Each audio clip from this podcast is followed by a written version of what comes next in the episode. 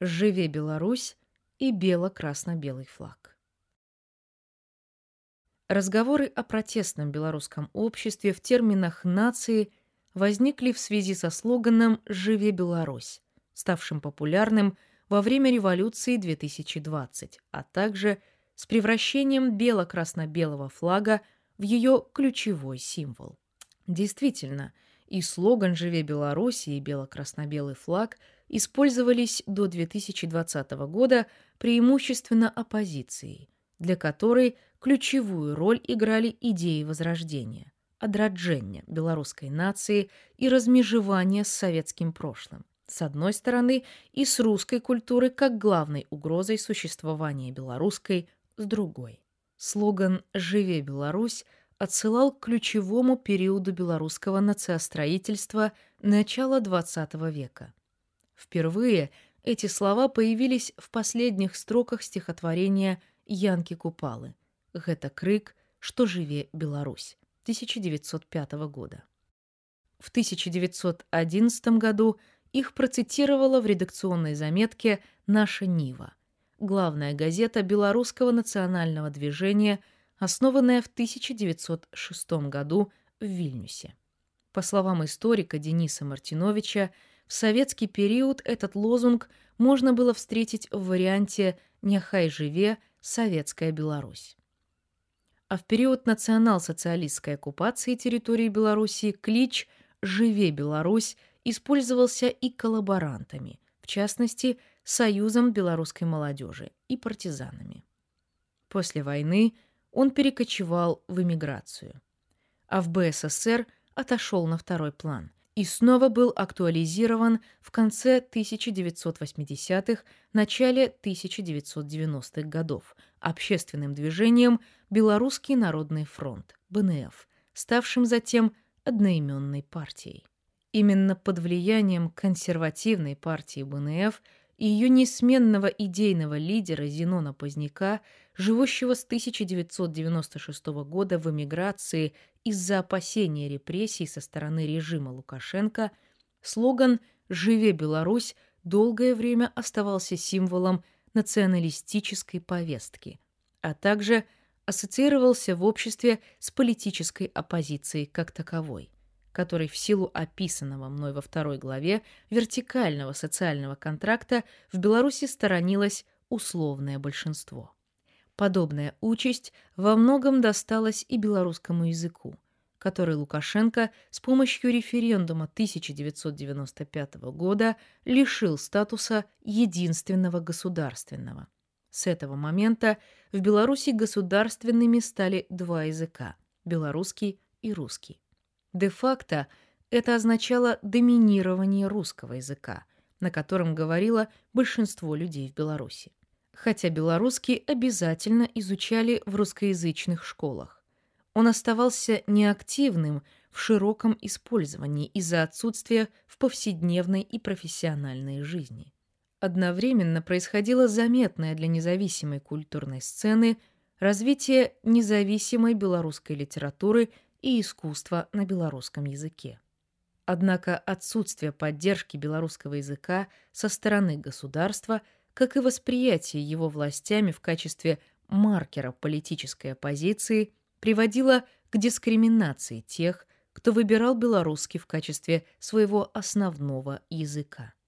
Чиновники отказывались вести на белорусском языке документацию и закрывали белорусскоязычные классы – ссылаясь на недостаточное количество в них учащихся.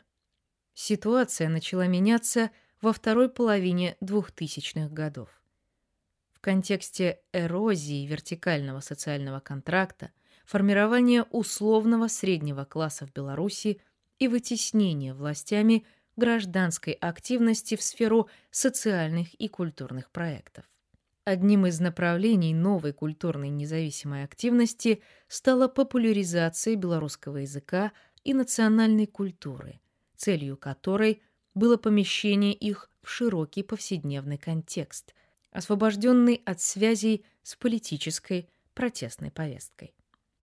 Мягкая белорусизация как тренд. Одним из наиболее популярных проектов стали бесплатные курсы белорусского языка – «Мова на Нова», которые были запущены в 2014 году в Минске, а затем еще в 14 городах. Еженедельно, согласно сайту проекта, курсы посещали 650 студентов.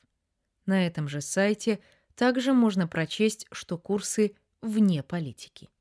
В том же 2014 году стартовал другой популярный проект компания Symbol Buy.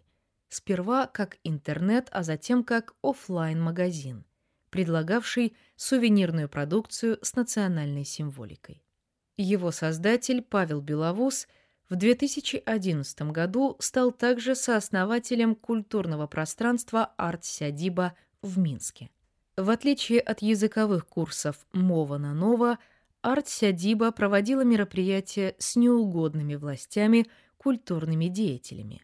Например, приглашала музыканта Лявона Вольского.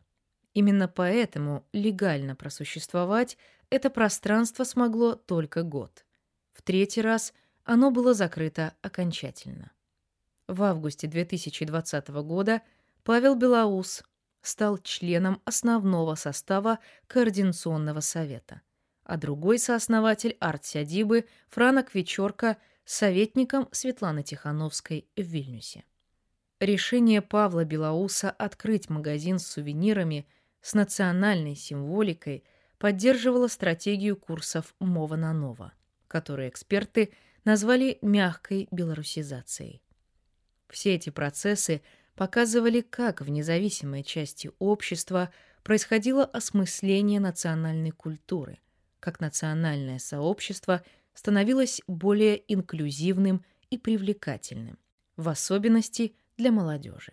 Тренд под названием «мягкая белорусизация» возник в 2010-е годы, однако не только в поле независимой культуры. Его проводником стало и государство – умело интегрировавшая элементы европейской истории Беларуси в доминирующий просоветский исторический нарратив. Так, в 2002-2003 годах в Минске была восстановлена городская гостиница «Европа», повторявшая, хотя и на новом месте, здание одноименной гостиницы, существовавшей до начала Второй мировой войны. Начиная с 2012 года началась застройка исторической части города в районе улиц Немиги и Зыбицкой, которая также идентифицировалась как европейская. Такие явления мягкой белорусизации и европезации имели место и в других городах Беларуси.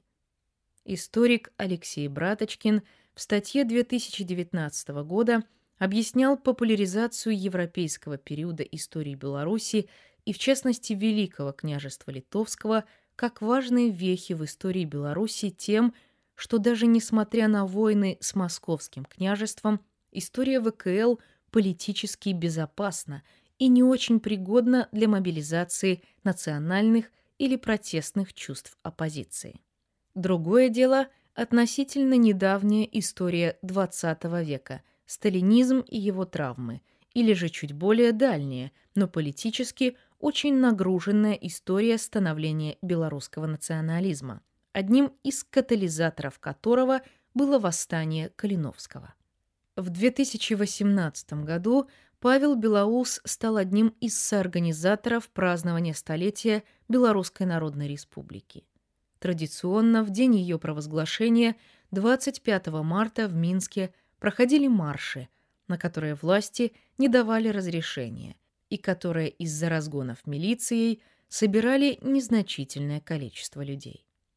Павел Белоус, а также блогеры Эдуард Пальчис и Антон Матолько вместе с рядом белорусских оппозиционных партий и движений предложили новый формат празднования этой даты в виде концерта у оперного театра в Минске. Деньги на его проведение были собраны через краундфандинг – Свою задачу организаторы видели в просвещении и поэтому дистанцировались от политики.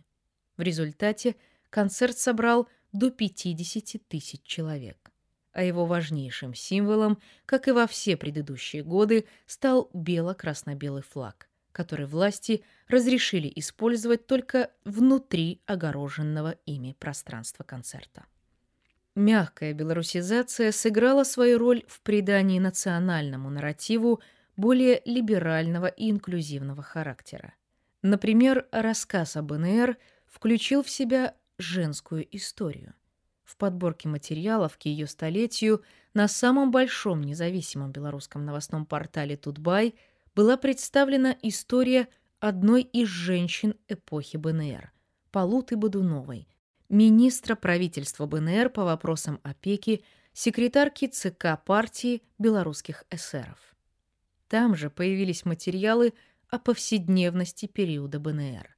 Сами материалы были представлены как на русском, так и на белорусском языках, что было новым и позволило расширить число участников этого празднования.